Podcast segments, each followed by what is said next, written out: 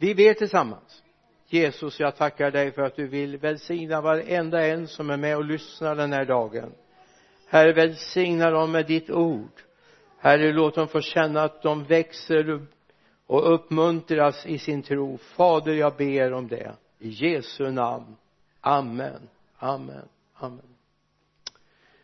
Ska bara ha en liten ursäkt? Jag rör mig oerhört graciös för jag har ett ryggskott så jag känner av min rygg hela tiden.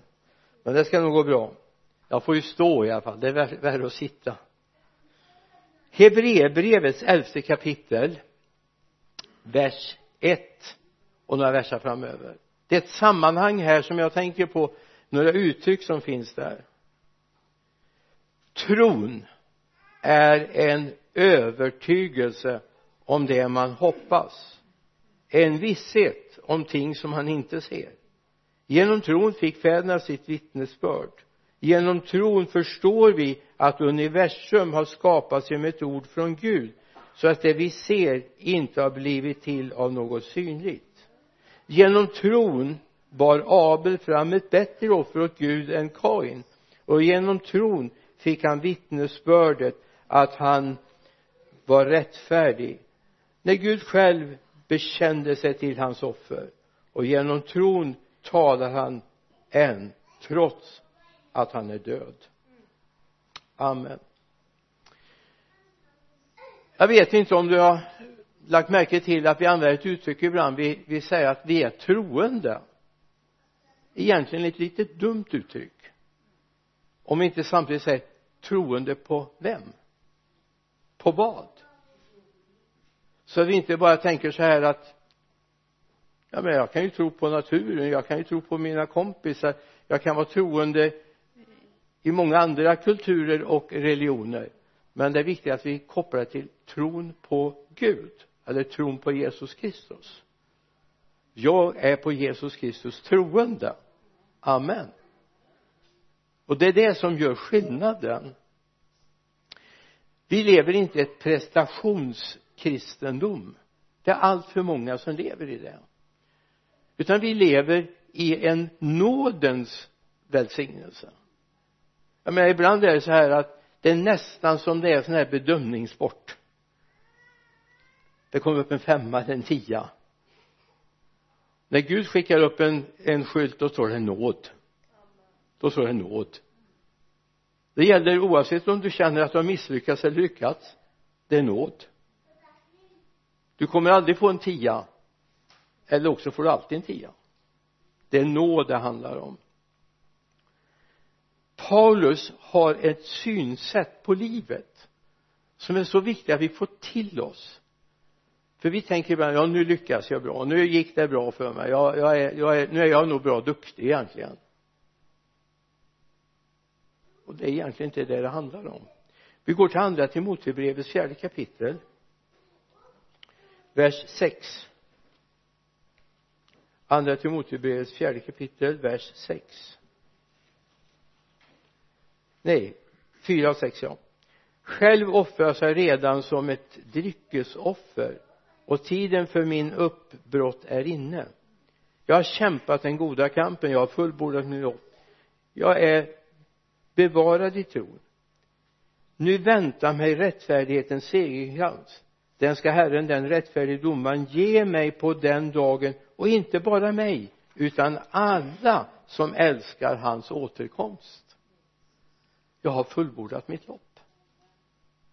Och tittar vi i hans backspegel så kan vi se att det var inte precis det grandiosaste man kan tänka sig. Han var verkligen plågad han var till och med stenad. Han led skeppsbrott men jag har fullbordat mitt lopp. Och nu väntar jag på rättfärdighetens segerkrans. Gud give att det är det som vi också har med oss. Gud låter sin nåd vila över oss. Det är det livet handlar om. Tron är inte en prestation. Tron är inte en prestation. Tron är ett flöde som kommer från honom det är någonting jag bara bestämmer att nu ska Guds tro få komma in i mitt hjärta. Jag underordnar mig det och på slutet i predikan ska jag ta om hur får vi tron att växa? Hur får vi tron att växa? I vi fick det läst förut Efesierbrevets andra kapitel vers 8 och vers 10 det var någon av syskonen här som läste det förut. Jag tror det var så det av nåden är ni frälsta genom tron. Inte av er själva. Guds gåva är det inte på grund av gärningar för att ingen ska berömma sig. Hans verk är vi skapade i Kristus Jesus till goda gärningar som Gud har förberett för att vi ska vandra i dem. Av nåd är ni frälsta. Inte av er själva. Guds gåva är det inte på grund av gärning för att ingen ska berömma sig. Så jag menar det finns en del som försöker ja, nu ska jag verkligen leva rättfärdigt nu ska jag verkligen göra rätt för mig. Inte på grund av gärningar utan på grund av nåd. Alltså den stora hemligheten med det kristna livet är att det är nåd. Du har inte förtjänat det. Du har inte förtjänat det får du av nåd. Därför han har älskat oss och han har betalat priset för oss. Och det är viktigt vi ser när vi ser på korsen han har betalat priset. Det jag rätteligen borde ha gjort det gjorde han. Och jag kommer bara att tänka på gång på gång vad nåd kan innebära praktiskt. När eh, jag växte upp hemma i min fars handelsträdgård där det såldes både blommor och grönsaker och konservburkar och lite av varje. Och potatissäckar och vad det nu kunde vara så hände det ibland att folk inte kunde betala. Eftersom min pastor inte var en gniden man så ofta sa han nej men det är klart jag bjuder på det. Jag bjuder på det. När människor betalade, de handlade på bok jag hade en bok där skrevs upp då och så skulle man betala in när man har fått lön. Och det var 14 dagars lön på den tiden oftast så när de kom då hade han redan dragit ett rött streck över och skrivit betalt. Fast de egentligen inte ens hade varit i affären. Därför han kände de här kommer ändå inte kunna betala det. Och då sätter jag bara dem i nya skulder. Och då kommer de ju inte handla överhuvudtaget här sen. Och kanske inte köpa mat till familjen. Det, det här var någonting som präglade mig. För jag vet det här är så Gud är. Men vad gjorde du egentligen för att bli frälst? Ingenting. Du bara accepterade att han har frälst dig. Du tar emot det som en gåva och sen börjar Gud jobba i dig. Det är inte du som jobbar. Det är Gud som jobbar i dig. Och du måste bara tillåta att han gör det. Guds rike är ett annorlunda rike. Alltså bland Guds folk det är klart det finns människor som kan berömma sig av ett och annat men det räknas inte hos Gud. Det är nåden. Gud tittar på vad Jesus gjorde och Jesus säger det är okej. Okay. det är okej. Okay. jag har betalat priset för honom eller henne. Så nåden det är den livsstil som finns i det kristna livet. Och som vi måste få prägla vårt liv och vårt tänkande med att det här livet om tro handlar om nåd vi ska tala så småningom om tron som ska växa. Vi ska vara trons människor. På grund av tro så hade de det ena och det enda Noa byggde en ark på grund av tro. Abraham bröt upp och gick till ett nytt land på grund av tro. Och det räknades honom till rättfärdighet. Det är klart man kan se det som en prestation att man lyder och gör det. Men Gud har förberett marken han har fött oss på nytt till ett levande hopp. Han har förutberett det vi ska leva i. Hemligheten är att hitta vad Gud har förberett ditt liv för. Problemet och det som gör att det ofta ställer till problem det är att vi har så mycket egna planer. Alltså ska vi vara riktigt ärliga och du liksom tar handen på hjärtat och så funderar du så här. Dina planer eller Guds planer vilka är bäst? Ja det beror ju på vilken Gud vi har. Jag möter så många människor som har en sån hård och krävande Gud. Min Gud är inte en hård och krävande Gud. Gud är en Gud full av nåd. Men samtidigt vet vi också att det kommer en sista dag då vi ska göra räkenskap för vårt liv. Men det är viktigt att se Gud är en kärleksfull Gud en Gud som älskar människor du som är förälder visst har dina barn gjort galna saker ibland? Eller hur? Jättedumma saker. Och du har blivit jättearg på dem ibland. Men jag skulle ju inte tro att någon av er har låst dörren för en tioåring och sagt nej du får aldrig komma in mer för du var så dum. Till och med när de är som dumma så dukar man fram mat åt dem eller hur? Skulle då inte våran Gud vara ännu större och ge ännu mer nåd och välsignelse. Därför han vill verkligen vara med oss. Så se Gud som den mest kärleksfulla du kan. Problemet vi gör det är att vi jämför Gud med en mänsklig far. Och det kan vara ganska problematiskt ibland ja, men det finns de som har upplevt föräldrar som har slagit, som har lurats som har ljugit. Eller hur? Vår Gud gör aldrig sånt. Men det är kanske ändå bland det närmaste vi kan få. Men om vi säger så här våran Gud är alltid fullkomligt rättvis. Alltid fullkomligt kärleksfull. I eh, Kolosserbrevet skriver Paulus det första kapitlet vers 10 målet är att ni ska leva värdigt Herren och behaga honom på alla sätt genom att bära frukt i alla slags goda gärningar och växa i kunskap och om Gud. Det planen, målet är. Alltså Gud har ett mål för oss. Gud har ett mål för oss. Som vi inte kanske är medvetna om. Han vill att vi ska leva värdigt honom vi har ett problem. När du styr över ditt liv vem tänker du på först? Grannen? Arbetskamraten? Eller Gud? Du att vara kristen är inte att vara politiskt korrekt alltid. Det är inte det. Det är inte alltid att stämma med vad människor i allmänhet tycker. Det handlar om att leva värdigt honom som har kallat mig. Det, det är som det handlar om. Jag ska leva så att han fortfarande är glad. Det är inte så att han kommer att slänga mig på sophögen. Gud är inte sån. Men däremot så kommer han kunna glädja sig och bli uppmuntrad av att se sina barn. Jag menar vi som har barn vi, vi vi är jättestolta ibland när vi ser våra barn och barnbarn och så vidare va? Vi är jättestolta när vi ser att de klarar av det ena och det andra.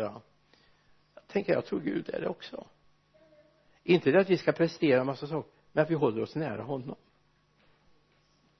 Alltså jag menar jag kanske är lite extra blödig så här men alltså när, när barnbarnen kommer och slänger sig om halsen fast de är stora då, då blir man lite så här mjuk va inuti. Nu när man nu när jag har fyllt år och så där så har man mött dem i olika sammanhang och, och så känner man yes. Eller de skriver på Facebook och uppmuntrar sin gamle farfar och morfar. Det ja det, det gör gott här inne va. Jag tänker jag tror att Gud också känner att när du gör goda saker du låter nåden få genomsyra också ditt liv till din omgivning. Människor gör dumma saker mot dig men låt nåden gå före. Kräv inte rätten i allt. Låt nåd gå före för det har Gud gjort mot dig. Vi skulle kunna ta bibelord om det men vi släpper det just nu.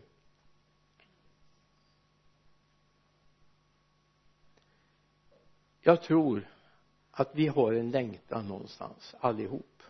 Innerst inne och jag hoppas att du har den längtan så den pulserar inom dig. Det står någonting i Matteus 25, 21 Matteus 25, 21 jag skulle vilja bara att du fäster det, dina ögon på det. Det står här hans herre sa till honom bra du gode och trogne tjänare. Du var trogen i det lilla. Jag ska sätta dig över mycket. Gå in i din herres glädje. Det här är en beskrivning. Det här handlar om faktiskt hur Gud ser på oss. En dag ska vi få höra det här. Väl gjort det gode trogne känner du vad satt du över så ringa var var du trogen? Jag ska sätta över mycket. Gå in i din herres glädje. De här orden kommer att uttalas en dag. Vi skulle kunna fortsätta läsa också om de som inte hade förvaltat punden rätt de kastas ut istället. Men vi vill höra väl gjort du gode och trogne tjänare, eller hur? Jag hoppas du längtar efter det, få höra det. Det här handlar om ett liv i tro, inte i prestation. Det handlar inte om hur duktig du är utan hur mycket du låter ditt liv bero på honom. På tron på honom. I andra korinterbrevet säger Paulus någonting i det femte kapitlet vers 9 därför sätter vi en ära i att vara till behag för honom vare sig vi är hemma eller borta. Vi måste alla träda fram inför Kristi domstol för att var och en ska få igen vad han gjort här i livet ont eller gott eller gott eller ont så. Vi sätter en ära i att vara honom till behag. Vi vill leva ett liv som håller inför honom också att leva i tro vad är det? Alltså det här med ordet tro det, det har vi jättesvårt för i svenskan egentligen. Vi tänker oss ja titta på klockan och tänker ja jag tror att gudstjänsten är slut 12.30 om allt blir väl. Eller du ska beskriva någon och säga att ja men jag såg någonting men jag tror att det var så här. Det är någon sån där chansning kanske hoppaslek när bibeln talar om tro så handlar det inte om en hoppaslek det handlar inte om att kanske kommer ske. Det handlar om någonting som är fast. Tron är en verklighet. Tron är en grund. Tron är någonting som håller. Att gå i tro det är att flytta över tyngdpunkten i min tillvaro från den här världen till Guds fasta mark. Jag står stadigt. Gud kommer inte blåsa omkull. Gud kommer inte gå sönder. Guds värld kommer inte gå sönder. Det mänskliga kan gå sönder. Men ibland har vi blandat ihop det och tänkt så här att tron är någon sorts hoppaslek kanske. Förhoppningsvis kommer han igen. Så jag skulle vilja säga att när jag lyssnar igenom hur man talar om tro i vår tid så är det skillnad på tro och tro från kyrka till kyrka. Ibland så tror man mer på naturen än på Gud. Ibland tror man mer på sina egna funderingar än på Gud. Men tron handlar om en fast tillförsikt. Jag vet att det kommer att ske. Så är du på Jesus Kristus troende då är du att gratulera. Jesus kommer inte ändra sig. Jesus Kristus är densamme igår, idag och i all evighet. Så vet du jag har ju varit med rätt länge nu då. Jag tror jag är ålderspresident hela gänget här nu. Den tron som jag födde, föddes i mitt hjärta när jag var 18 år eller strax över 18 år. Den har inte förminskats. Den har vuxit till. Den har vuxit till. Och jag tror det är viktigt att få tag i hur får vi tron att växa? Så att det inte är en att vi försöker någon sorts peptalk vi försöker intala varandra.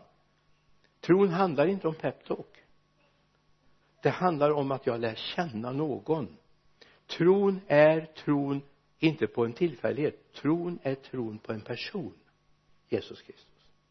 En som har stark tro det är en som har lärt känna Jesus. Som har lärt känna gudomen och vet vem han är. Den som har landat i detta att han är en verklighet. Han hör mig när jag talar med honom. Han talar till mig. Jag har fått en trons grund att stå på. Och det är någonting som Gud vill ge dig han vill ge dig en ny grund att stå på. Och det är viktigt att du tillåter honom att få göra processen i ditt liv så att du lär känna honom. Tron är en fast tillförsikt. Det är någonting som ska ske även om vi bara hoppas det just nu. Det kommer att ske.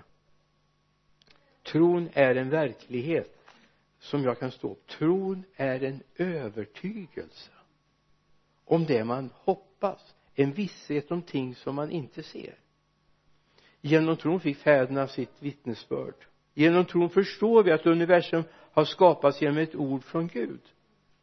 Alltså mänskligt sett så kan det vara kanske lite svårt att förstå att allt det som finns ute i naturen berg sjöar växtlighet allt är skapat av Gud. Genom ett ord alltså det går inte in i min hjärna men det går in i mitt hjärta. Det går in i mitt hjärta. Därför jag har lärt känna honom som har gjort det här. Känner du honom? Känner du honom? Ja då har du fått ett embryo till tro i ditt liv. Tron är en visshet.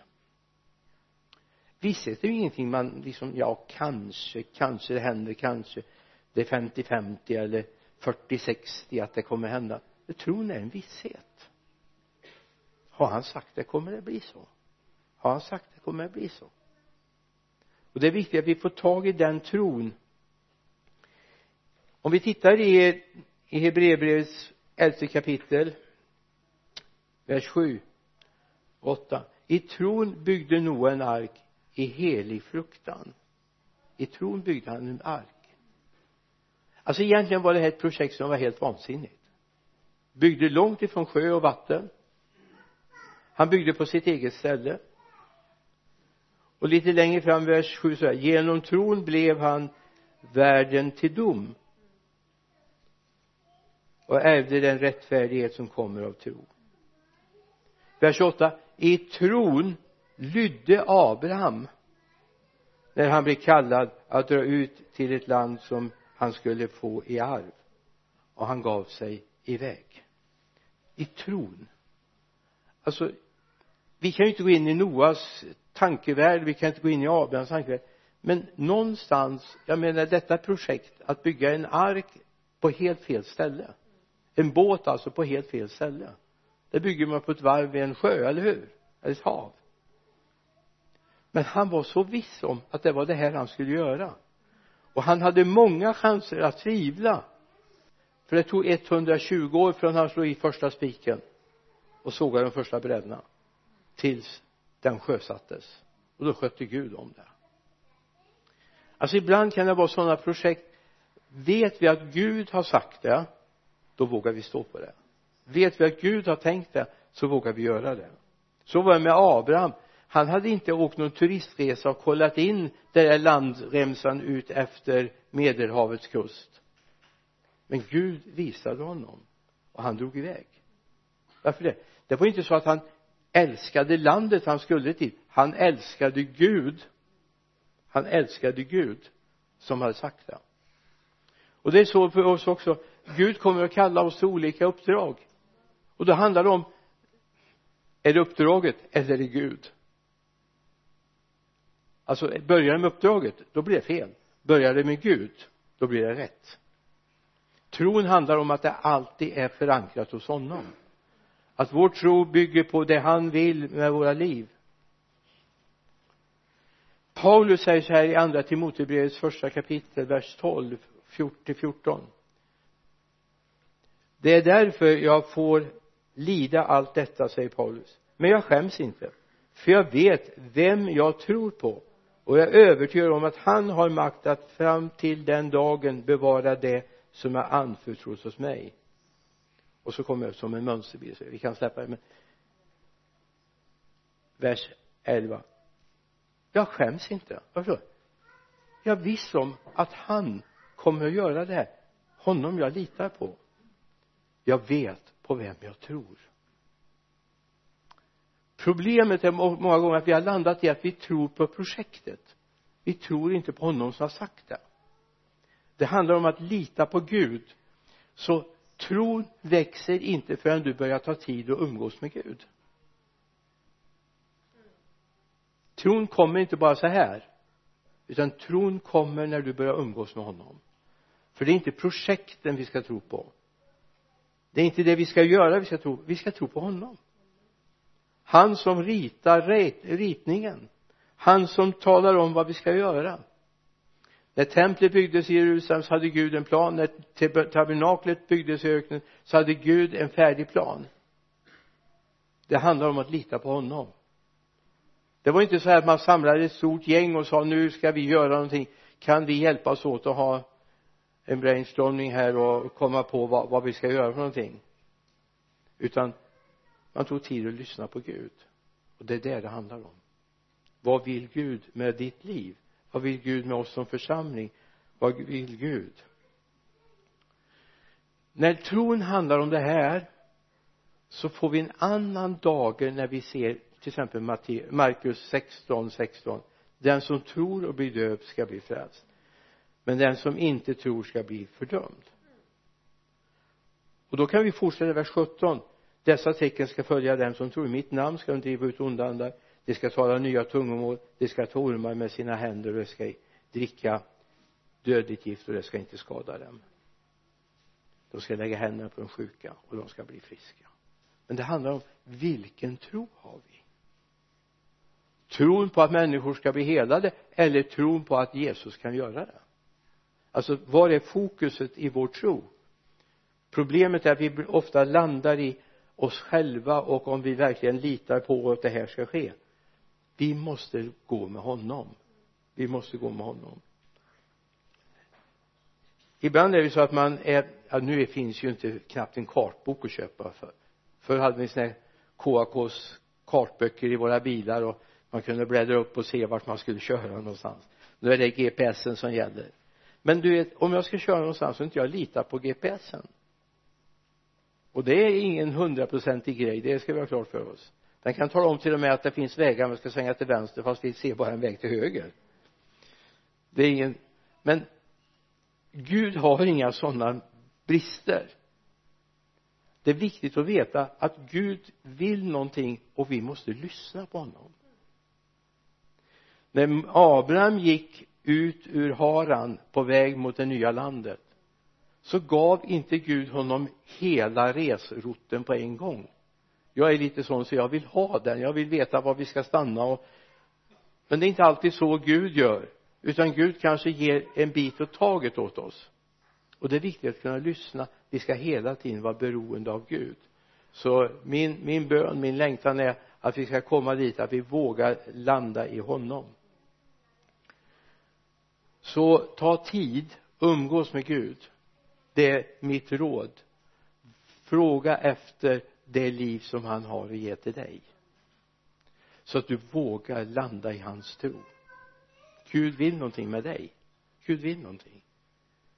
Och tron är för också dig en övertygelse. Inte en hoppaslek. Och är du en troende så är det inte att du tror på de kristna värdena du tror på Gud som är grunden till de kristna värdena. Eller hur? Vi tror på Gud. Det är det det handlar om. Så jag skulle bara vilja att du får landa i det. Tron måste växa. För våran livsstil den kristna livsstilen, handlar om vår tro på Gud. Inte tron på olika ismer olika tankesätt. Det handlar bara om en sak. Ha en helt oåterkallelig tro på honom. En helt oåterkallelig. Vi har gett våra liv till honom. Den dagen jag tog emot Jesus till frälsning det är hemskt länge sedan nu så var det inte det här att jag hade en tro för ett speciellt uppdrag. För mig jag visste inte vad mitt uppdrag var då. Andra har talat om för mig vad, vad jag eventuellt var på väg till. Men för mig var det inte för mig var det att lära känna honom. Att få umgås med honom. Jag blev så överbevisad. Den där kvällen lördag eller natten till söndagen. Jag blev så överbevisad av några saker som hände. Så jag bara tänkte Gud jag måste ha dig i mitt liv. Så låt det få vara kontentan av den här predikan. Ta tid lär känna Gud. Då får du en ny livsstil då kommer ditt liv förändras i grunden. Och helt plötsligt kommer människor säga det har hänt någonting med honom och henne. Vad är det som har hänt? Och Jesus har flyttat in. Och de tror på honom. Inte på massa saker eller teorier. Inte ens teologiska finesser. Du tror på honom. Det är det det handlar om. Ska vi be tillsammans? Jesus jag ber att du ska ta hand om allt det som den här stunden är presenterad i sång i tal, i bibelord fader vi ber. Herre det handlar om dig Jesus. Det handlar om din far i himmelen. Det handlar om att det är där vi ska ha vårt fokus i allt det vi gör. Herre hjälp oss inte slicka på fingret och känna efter vad som är populärt för tillfället. Vi vill vara med dig Jesus. Amen. Amen.